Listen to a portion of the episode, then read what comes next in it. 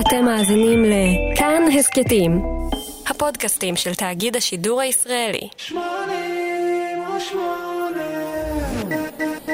עכשיו בכאן 88, ספיישל 88.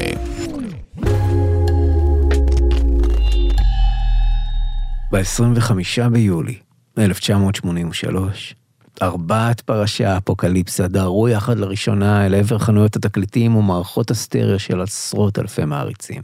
לארס ארליך, ג'יימס הדפילד, קליף בארטון וקירק האמט הוציאו את אלבום הבכורה שלהם, Kill Em All, והצהירו את גפרור המהפכה. הטראש מטאל נולד ואיים להחריב הכל.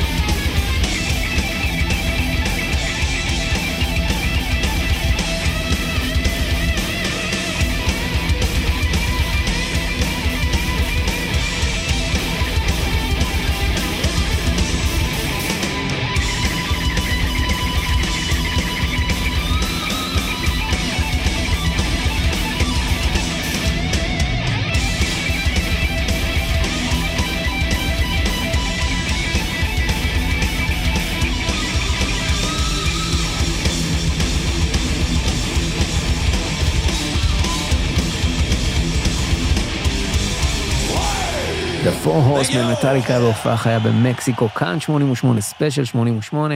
כאן תומר מולביטזון איתכם ועם הסיפור של אלבום הבכורה של להקת מטאליקה. קיל אמול, הסיפור על תחילת דרכה של מטאליקה, הוא למעשה הסיפור של אחד הפרקים החשובים בתולדות המטאל. במילים אחרות, הסיפור של מטאליקה הוא הסיפור של המטאל החל משנות ה-80. אז הז'אנר התפצל לשני זרמים מרכזיים שהיו מנוגדים זה לזה, הגלם מטאל והטרש מטאל.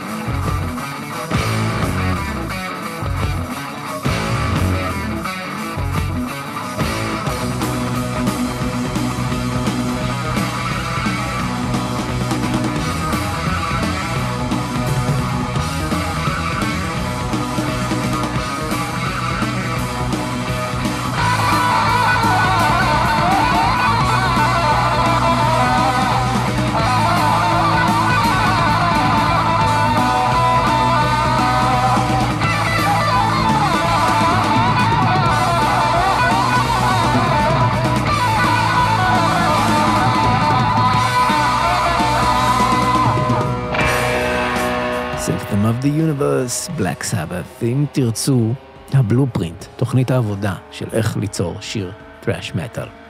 בלק סבת הוציאו את השיר הזה בשנת 75, הוא לא מהלהיטים הגדולים שלהם, אבל הוא הפך בקרב המעריצים שלהם להשראה. הוא טומן בחובו הרבה מוטיבים שלהקות כמו מטאליקה יאמצו בהגדרת הז'אנר טראש מטאל. קצב מהיר, ריפים מורכבים, דיסטורשן כמובן, סולואים ב pitch גבוה, טיפוף, טיפוף אה, אגרסיבי, שינויי מקצבים, קצת כמו בעולמות הרוק המתקדם, וטקסטים פוליטיים שעוסקים במלחמות, אלימות ודעת. לצד סימפטום of the, of Universe אפשר לסמן עוד כמה שירים מוקדמים של להקות משנות ה-70 כתוכנית עבודה על הז'אנר הזה, ז'אנר שיתחילו מי שהיו אז בני נוער. למעשה, באופן מפתיע, שנה לפני בלאק סבת, ב-1974, להקת קווין הוציאה שיר, כן אמרתי להקת קווין, הוציאה, זה מפתיע קצת בהקשר של מטאל אולי, הוציאה שיר שלימים מטאליקה ביצעה בהופעות וכונה Trash Metal Song Before the Term Was Invented.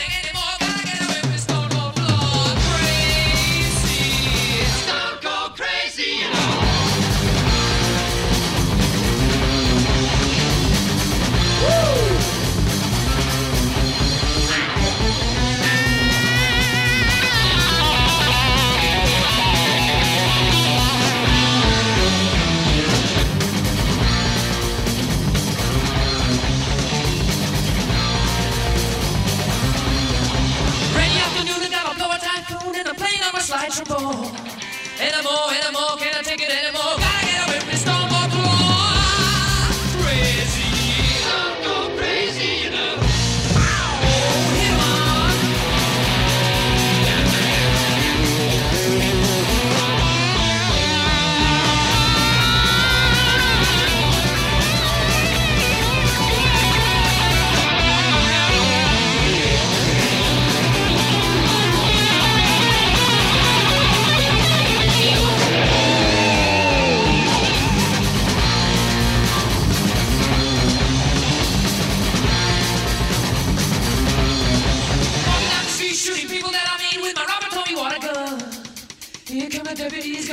if you gotta get to get off running, got the sirens loose. I ran right out of juice. They gonna put me in a cell.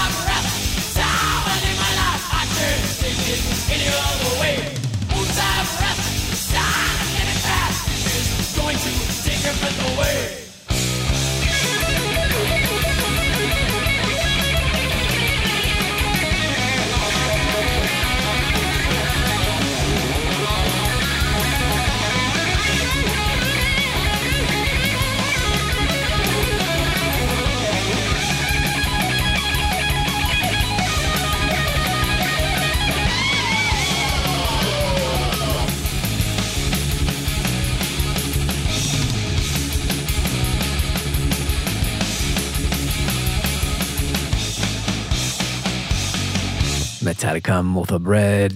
מתוך Kill 'Em All, לשמו התכנסנו הפעם בספיישל 88, את השיר הזה כתב ג'יימס הטפילד, סולן הלהקה, עוד לפני שמטאליקה הוקמה, אה, והשיר עוסק בחיים בדרכים. אה, נושא שהטפילד הרבה לכתוב עליו, כולל הלהיט הענק Nothing else matters. במקרה של Motorbreath, מדובר בשיר הלל לבחירה בחיים בדרכים. אה, נשמת הכביש או נשמת רכב או נשמת מנוע, לא יודע איך לתרגם את זה טוב לעברית. אמ, לפני שנצלול לסיפור של מטאליקה, אני רוצה עוד רגע להתעכב על thrash metal והלהקות והשירים שהשפיעו על הז'אנר הזה ועל מטאליקה. בסוף שנות ה-70 החלה גל החדש של האבי מטאל הבריטי, להקות כמו איירון מיידן, ג'ודס פריסט, דיימון הד ומוטורד, שהושפעו מלהקות הגל הראשון של האבי מטאל הבריטי, כלומר בלק סבת, דיפ פרפל ועוד. אבל אה, הלהקות האלו של הגל החדש שילבו גם השפעות של ז'אנר חדש שפרח בסוף שנות ה-70, הפאנק. דייב אלפסון, בסיסט ענקית ה-thrash metal מגדת', שגדל על הלהקות האלה, אמ, ושכמובן מגדת' כמובן קשורה גם בסיפור של מטאליקה ועוד ניגע בזה, אמר פעם שטראש מטאל הוא שילוב בין האטיטיוד של פאנק לבין המורכבות של מטאל מסורתי. במקרה של ההשפעה על מטאליקה, שתי להקות אה, אולי החשובות ביותר בגל החדש אה, של האבי מטאל הבריטי הן כנראה דיימונד הד ומוטורהד. ואפשר לשמוע את זה מאוד בסאונד. אה, לארס אולריך אמר לימים על השיר הזה של מוטורהד, כי הוא השפיע מאוד על סגנון הטיפוף שלו ושל מתופפי מטאל וטרש מטאל אחרים.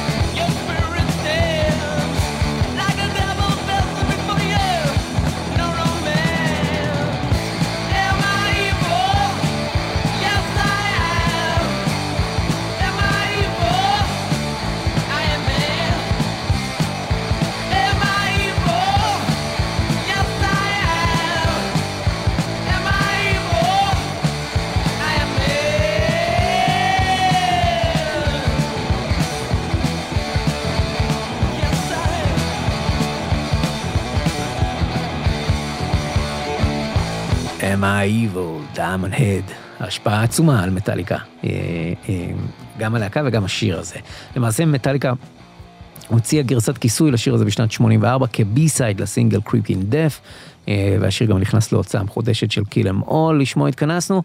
במובנים מסוימים הקאבר של מטאליקה הוא זה שהביא לשיר את החשיפה הכי גדולה שלו, אבל בלי המקור של דיימונד הד משנת 1980, אולי מטאליקה ולהקות טרש מטאל נוספות היו נשמעות קצת אחרת.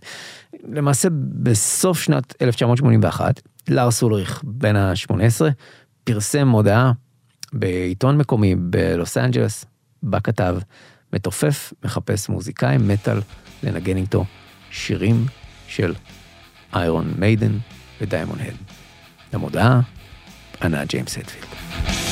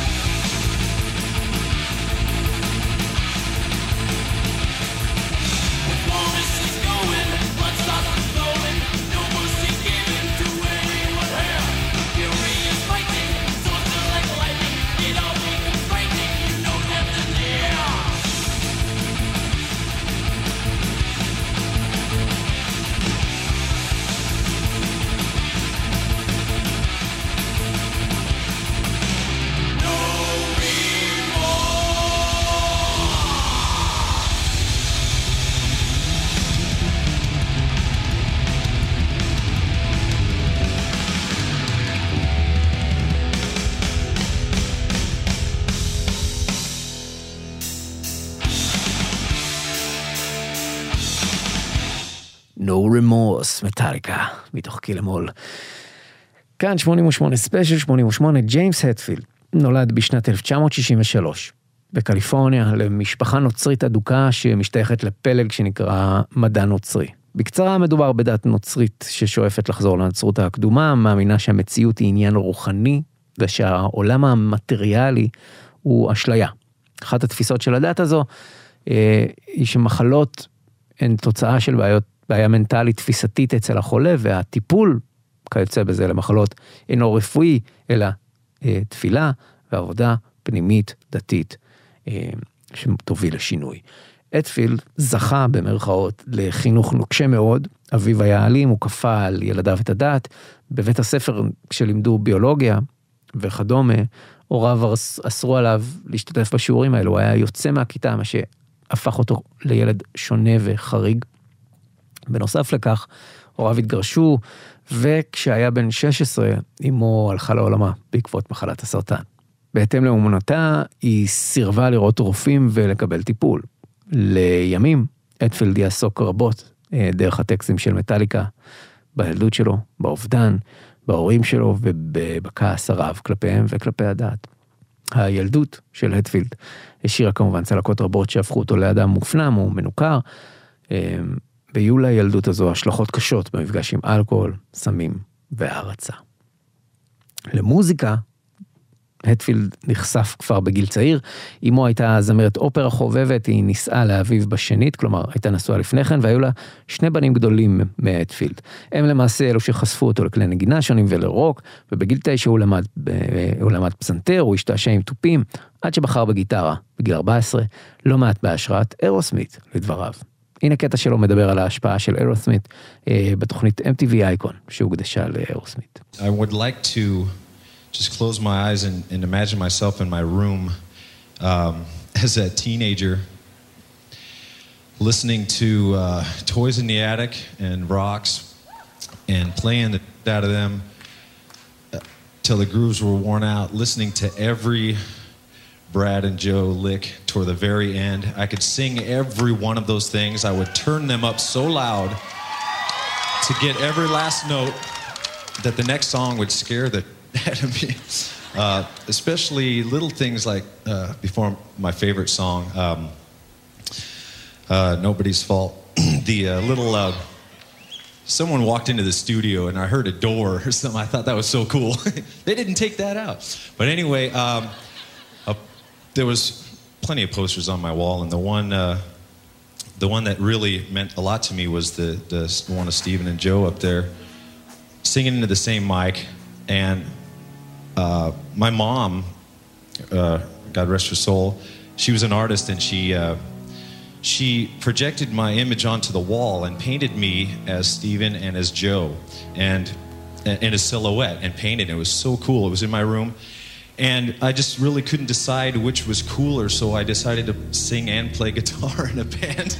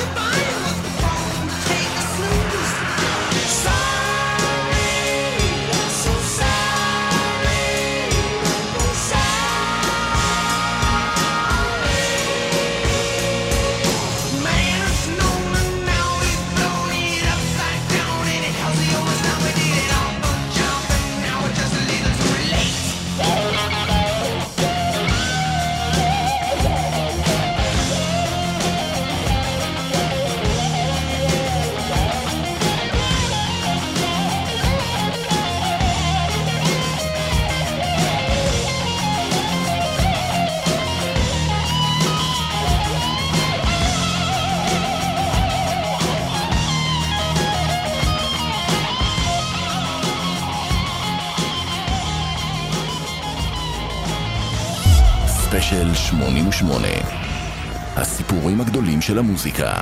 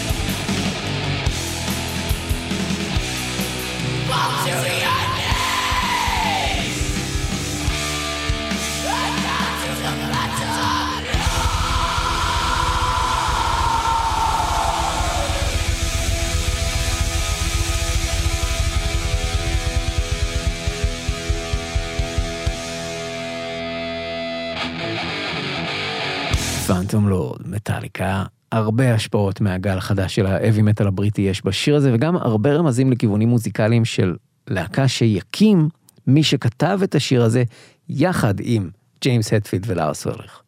אחד, שמו דייב מסטיין. אבל אני מקדים את המאוחר. לארס אולריך נולד בשנת 63 בדנמרק, בן למשפחת אצולה של עולם הטניס. סבו היה נציג, נציג דנמרק באולימפיאדה בשנות ה-20 של המאה הקודמת, לאחר מכן גם שיחק כדורגל באופן מקצועי. אביו של לארס היה גם שחקן אה, טניס אה, מוצלח, במיוחד בשנות ה-70. אה, ואגב, סבתו מצד אביו היא הייתה יהודייה. אם אתם רוצים לטפוח לעצמכם קצת על השכם. יהודים. אה, עוד אגב אחד מפתיע, סקסופוניסט הג'אז המעולה דקסטר גורדון היה הסנדק של לארס הולריך. לארס היה אמור לצעוד בעקבות אביו וסבו, אבל אה, מוזיקה נכנסה לחייו כשהיה בן תשע, ואביו לקח אותו להופעה של דיפ פרפל. אחרי המופע הוא רכש את האלבום Fireball, ומוזיקה החלה לאט ובהדרגה לגנוב את הפוקוס.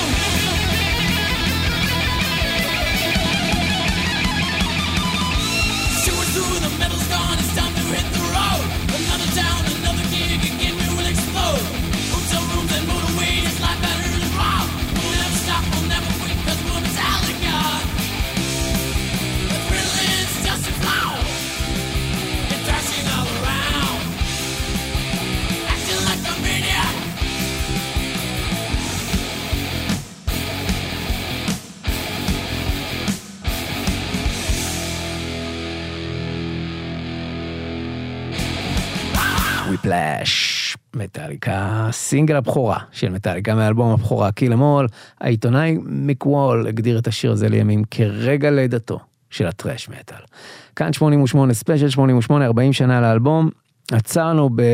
בילדות של אה, לארס אולריך, שלמרות ההתאהבות שלו במטאל ולמרות שכבר בגיל אה, 12 קיבל אה, מערכת תופים במתנה, הוא המשיך במסלול שאביו וסבו צעדו. הוא המשיך להשקיע בטניס, היה חלק מעשרת השחקנים הצעירים המובילים בדנמרק.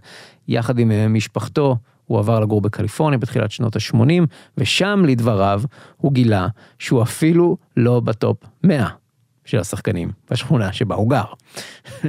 מוזיקה ותופים היו הבריחה שלו מהספורט, ובשנת 81, אחרי שהוא נחשף ללהקת דיימונד הד, התופים זזו לקדמת הבמה, ומחבט הטניס נשכח.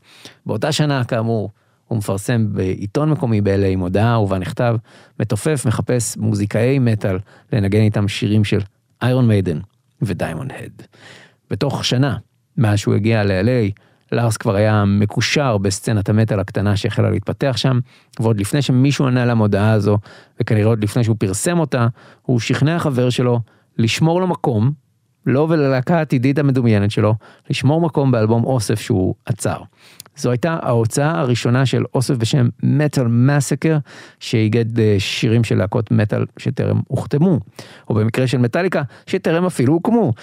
למודעה של ארס פרסם כאמור, ענה ג'יימס הדפילד, שבדיוק פירק את הלהקה שלו, leather צ'ארם, והוא ולארס התחברו, אבל לדבריו של אדפילד, הכישורים המוזיקליים של לארס עוד לא היו בשיאם, אבל ההזדמנות להקליט שיר לאוסף התעלתה על היעדר הכישורים. ב-28 באוקטובר 81, כחמישה חודשים אחרי שהם הכירו, הלהקה הוקמה רשמית. אדפילד הקליט גם את הגיטרות וגם את הבאס בשיר שיועד לאוסף, וכמובן גם את השירה. לארס ניגן בתופים, וחבר של השניים ניגן ככל הנראה את סולו הגיטרה בהקלטה. השיר היה גרסה ראשונית ל-Hit the Lights, שפותח את האלבום Kill Em All, לשמו התכנסנו, ולמעשה הוא נכתב כבר בתקופת הלהקה הקודמת של ג'יימס הדפילד.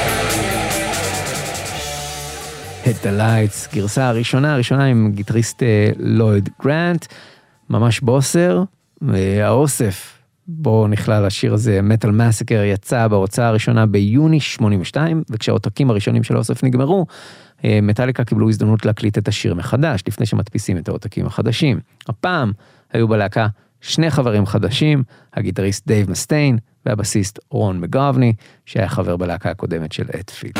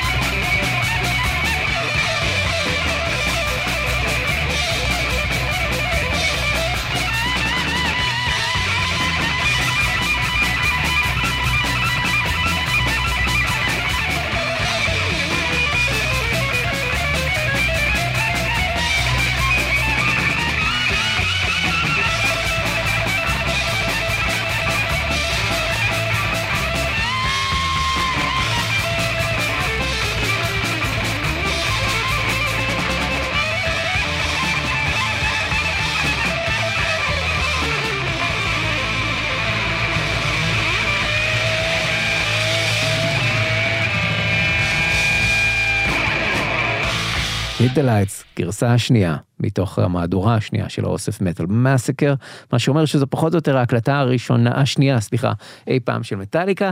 ההקלטה הראשונה, אגב, פורסמה עם שקיעת כתיב במהדורה הראשונה של מטאל מסקר, נכתב שם מטטליקה. דאבל טי. מאיפה הגיע השם הזה בכלל, מטאליקה? אז חבר של לארס אולריך יצר פנזין, כתב עת לא מקצועי שעוסק במטאל, הוא חיפש שם לפנזין הזה. היו לו שתי אופציות אה, שהוא הגה, מטאל אה, אה, מניה ומטאליקה. אותו חבר התייעץ עם לארס כשהתקשה לבחור בין השמות, לארס התלהב מהשם מטאליקה, אבל לא חשף את ההתלהבות, הוא שכנע את אה, אותו חבר שהשם מטאל מניה הוא השם הגאוני, וכך היה. המגזין קיבל שם כזה, הלהקה קיבלה את השם הטוב. אולריך ומטאליקה פרסמו מודעה באותו עיתון מקומי בו לארס פרסם את המודעה שהביאה אליו את הטפילד. הפעם הם חיפשו גיטריסט מוביל ללהקה, ולמודעה הזו ענה דייב מסטיין.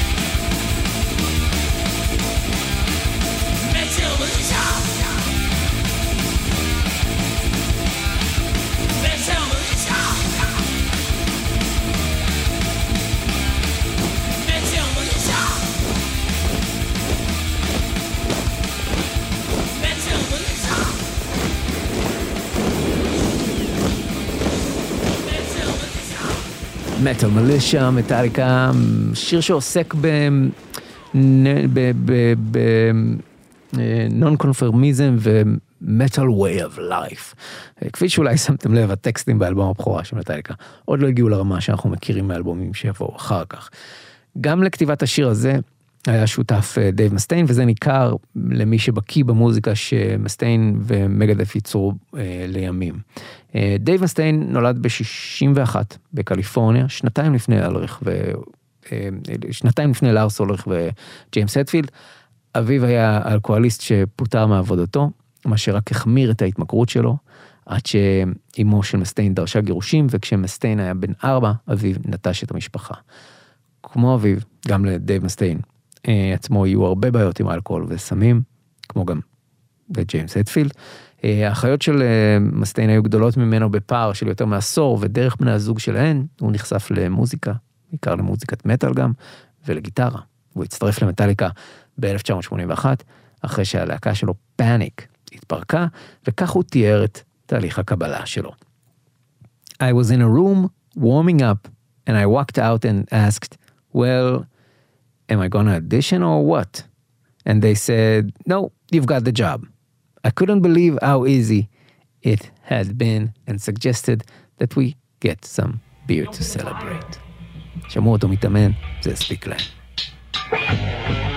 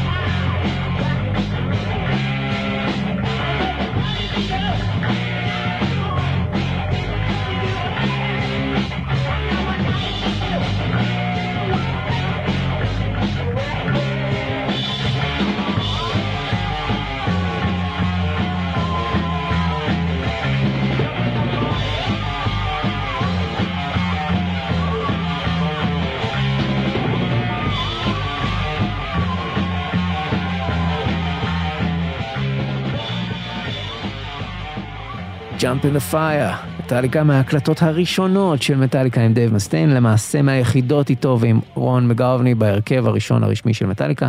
הדמו הזה לקוח מתוך מה שמכונה Ron McGovney's Garage Tape. כלומר הלהקה הייתה מתאמנת בגראז' של בית הוריו של מגובני. את השיר אגב, למה הזכרתי את העובדה הזאת? כי יש מי שאיתנו בקרב חברי מטאליקה קצת ברשות, שהם אף פעם לא רצו את מגובני באמת ללהקה, פשוט היה לו איפה להתאמן. את השיר אה, כתב במקור דייב מסטיין בימי להקת אה, פאניק, ויחד עם אולריך והטפילד הם עבדו על השיר, אה, עיבדו אותו מחדש, כך שהוא היה אחד מארבעת הראשון, השירים הראשונים של מטאליקה. הטקסט שמופיע בדמו שכתב דייב מסטיין עסק בסקס, ואחרי שמסטיין סולק מהלהקה, הטפילד החליף את המילים לטקסט שעסק באנשים שנידונו לגיהנום. וזה לא היה השיר היחיד שדייב מסטיין הביא ללהקה, ושהמילים שלו הוחלפו עם הפיטורים של דייב.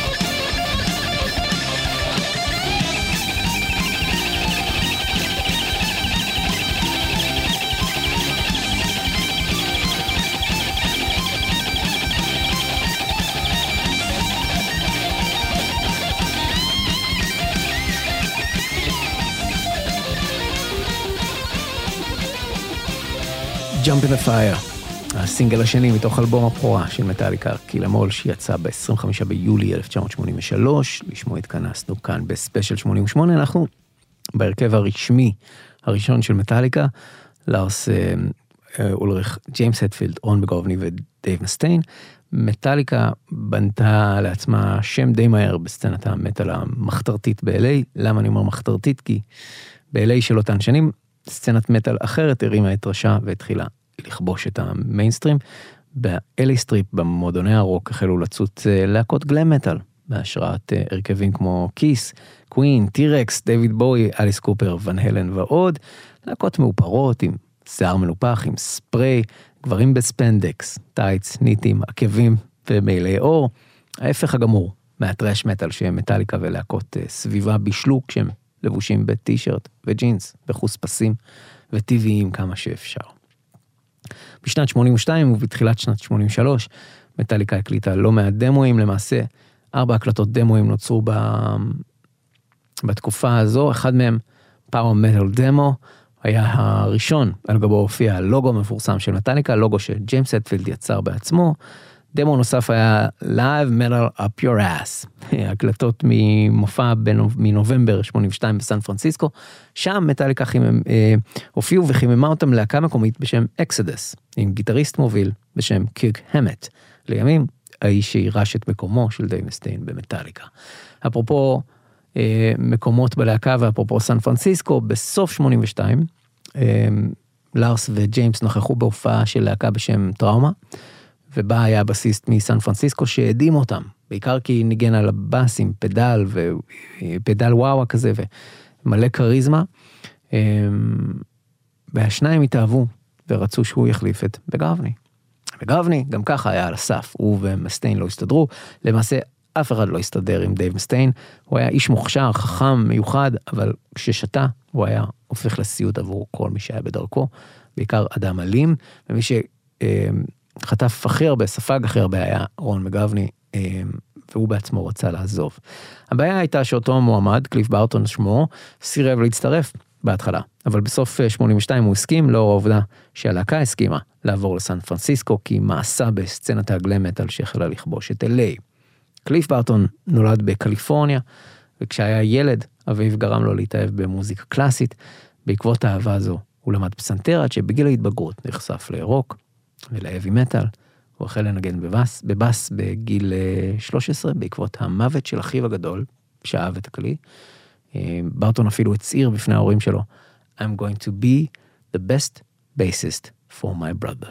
Bass solo, take one.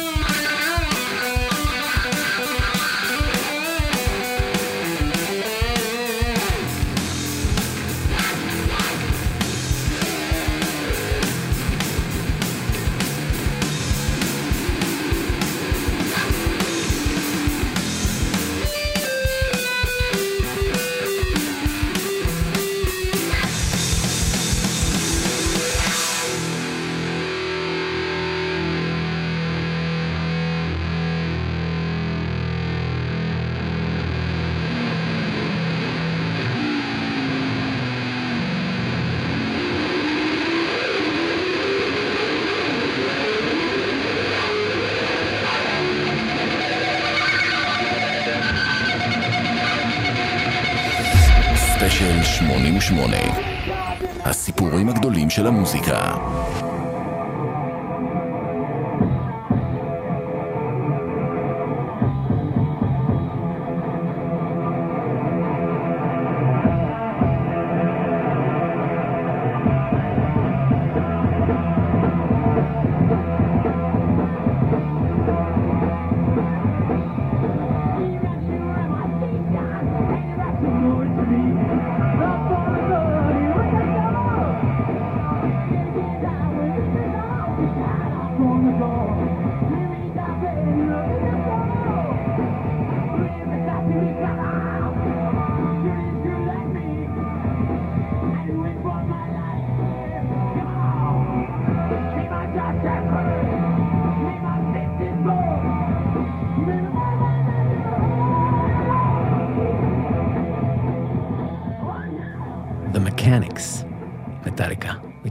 הקלטת המופע Live Metal Up Your Ass מנובמבר 82, שנייה לפני שקליף ברטון מצטרף ללהקה, ושנייה לפני שדייב מסטיין מפוטר מהלהקה, הוא מוחלף במי שחימם את מטאליקה באותה הופעה שהזכרנו. אה, דייב מסטיין כתב והלחין את מקניקס עוד בימי הלהקה שלו, פאניק. השיר הוקלט מספר פעמים עם אה, מטאליקה בגרסאות אה, דמו בשנת 82. עם הפיטורים של מסטיין, גם הטקסט של השיר הזה הוחלף בידי ג'יימס הטפילד. למעשה השיר הוא חלק מהסכסוך המתמשך בין מסטיין לחברי הלהקה אה, לשעבר. מסטיין אה, אסר לדבריו על חברי מטאליקה להשתמש בשירים שהוא היה שותף לכתיבה שלהם, אבל הם פשוט החליפו את המילים ואת חלק מהעיבודים. הם כן נתנו לו קרדיט אגב. מקניקס הפך בקיל המול ל-4 הורסמן, עם קצב מעט איטי יותר, תוספת של גשר ומילים כמובן שונות. מסטיין הוציא גרסה משלו לשיר הזה עם להקת מגדף, בעוד שמטאליקה נתנו קרדיט משותף למסטיין, לטענתו השיר נכתב בידו בלבד. אה, לדבריו, היעדר ההסכמה על הקרדיט לשיר הזו, אז היא אחת הסיבות שחלק מהדמואים מתחילת דרכה של מטאליקה עדיין לא יצאו היום באופן רשמי, אלא רק בוטלגים. אה, כי כל פעם שמנסים להסדיר עניינים ולהפיץ את זה, יש את הוויכוח על הקרדיט.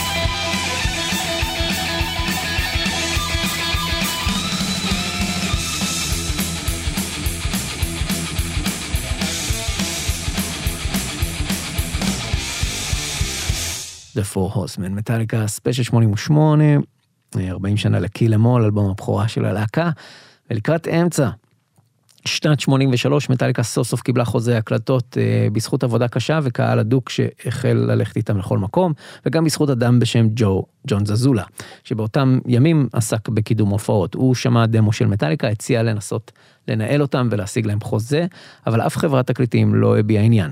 לכן זזולה הלווה כסף כדי לממן את ההקלטות ולהקים לייבל בשם מגה פורס. אה, אלבום הבכורה במקור היה אמור להיקרא Metal Up Your Ass, ועטיפת האלבום תוכננה לשקף את זה. העטיפה הייתה אמורה להציג, להציג אסלה ויד אוחזת סכין שיוצאת מתוכה. אבל הלהקה נאלצה לוותר על השם והעטיפה, כיוון שאף מפיץ לא הסכים לשתף פעולה עם הלייבל של זזולה ולהפיץ אלבום שנקרא או נראה ככה. אגב, הדימוי הזה כן הונצח בחולצות של הלהקה. את השם החדש, קילמול, תרם קליף ברטון שאמר על כל חברות התקליטים שעשו למטאליקה בעיות, Those Records Company Fuckers, קילמול. על פי קירק אמת, גם עטיפת האלבום נוצרה בהשראת אה, קליף ברטון שהציע למעצב לכלול פטיש מגואל בדם על העטיפה. אמת סיפר שלקליף היה איזה קטע עם פטישים. הוא משום מה הסתובב עם פטיש בכל מקום, תמיד היה לו פטיש בתיק. ההקלטות, אה, אין לי מה להגיד את זה, לא יודע להסביר את זה. ההקלטות תוכננו למאי 83 בניו יורק. הלהקה יצאה עם ואן לניו יורק מסן פרנסיסקו באפריל 83, ובמסע גמלה בליבם אה, של אה, לאוס והדפילד ההחלטה להיפרד מדייב מסטיין. הם לא יכלו להכיל יותר את ההתנהגות שלו אה, תחת האלכוהול, ובעבר מסטיין פוטר מהלהקה אחרי שהוא תקף פיזית את הטפילד, אבל יום למחרת הוא התנצל והוחזר ללהקה. הפעם ההחלטה הייתה סופית. על פי מסטיין, הוא התעורר בניו יורק, כשחברי הלהקה גוהרים מעליו ומודיעים לו שהוא פוטר. הם עצרו בתחנה מרכזית בניו יורק ודאגו שהוא יעלה על אוטובוס ישיר חזרה ללוס אנג'לס. בנסיעה באוטובוס, דייב מסטיין הזועם החליט שהוא ינקום במטאליקה, בכך שיקים להקה טובה יותר, כבדה יותר, שתנגן טרש מטאל מהיר ומורכב יותר. זו הייתה ההתחלה של סכסוך ארוך שנים, שהוביל להפריה תחרותית בין שתי להקות הטרש מטאל הגדולות והחשובות ביותר. מטאליקה והלהקה החדשה של מסטיין, מגדף.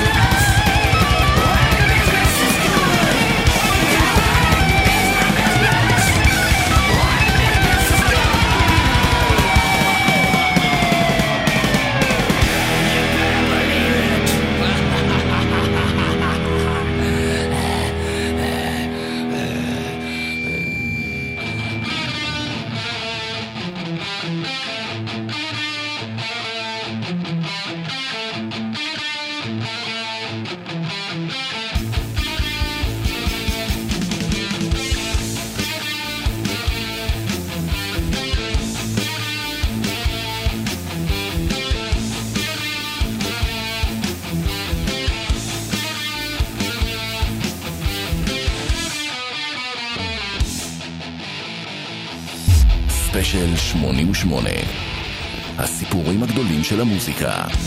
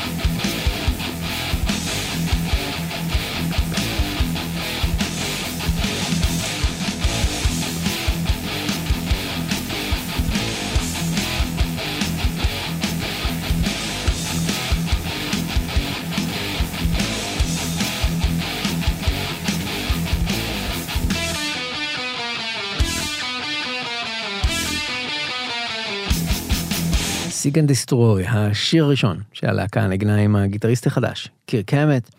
האמט הגיע לאודישן ביום בו מסטיין פוטר, והוא התקבל במקום.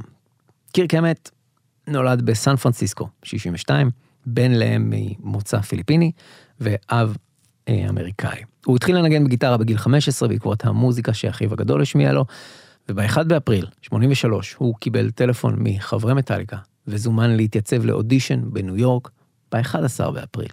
כלומר, לארס וג'יימס ידעו כעשרה ימים לפני שהם פיטרו את מסטיין, שהם רוצים להחליף אותו בקירק האמט.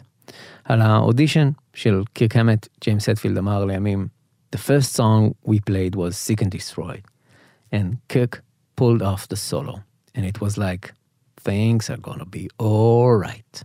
Seek and Destroy היה גם השיר הראשון שהוקלט עבור האלבום קיל אמול. בסשנים שהתחילו ב-10 במאי 83 ונגמרו ב-27 במאי 83. לא היה הרבה כסף להקלטות, ולמעשה לא היה כסף למלון אפילו. חברי הלהקה חיו אצל אה, חברים מסצנת המטאל המקומית, כמו כל הסיפור של הלהקה הזו, היו הרבה אנשים טובים בדרך שעזרו, תרמו וגייסו כספים כדי שהדבר הזה יקרה. ג'ו זזולה אמר לימים, בזבזתי כספי משכנתה על האלבום. הוא כמעט פשט רגל בעקבות ההשקעה הזו, אבל לימים היא השתלמה. וזה לא קרה ברגע. האלבום קיל אמול יצא ב-25 ביולי 83, ולא זכה להצלחה גדולה. צריך לומר את האמת, זה היה טוב, אבל רחוק מהרמה שתגיע באלבום הבא, וכמובן באלבומים הבאים.